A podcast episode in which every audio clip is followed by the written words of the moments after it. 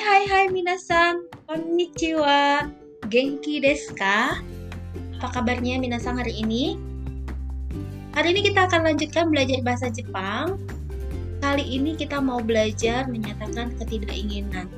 Kalau episode sebelumnya kita sudah belajar bagaimana menyatakan keinginan atau ingin sesuatu, benda dengan menggunakan hoshi desu.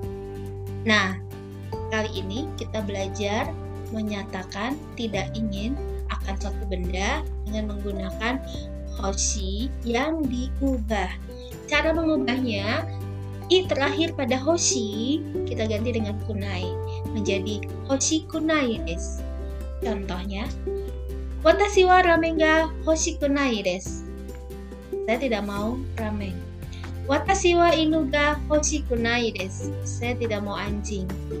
Nah, apa pun benda yang Minasan tidak inginkan, Minasan cukup sebutkan bendanya, lalu kemudian menyebutkan hoshikunai desu. Ya, mudah kan Minasan? Silakan Minasan latihan, kemudian direkam. Kalau masih ada salah-salah, Minasan ulangi lagi. Semangat belajar bahasa Jepangnya. Kita akan ketemu lagi di episode berikutnya. Ya, makan nih.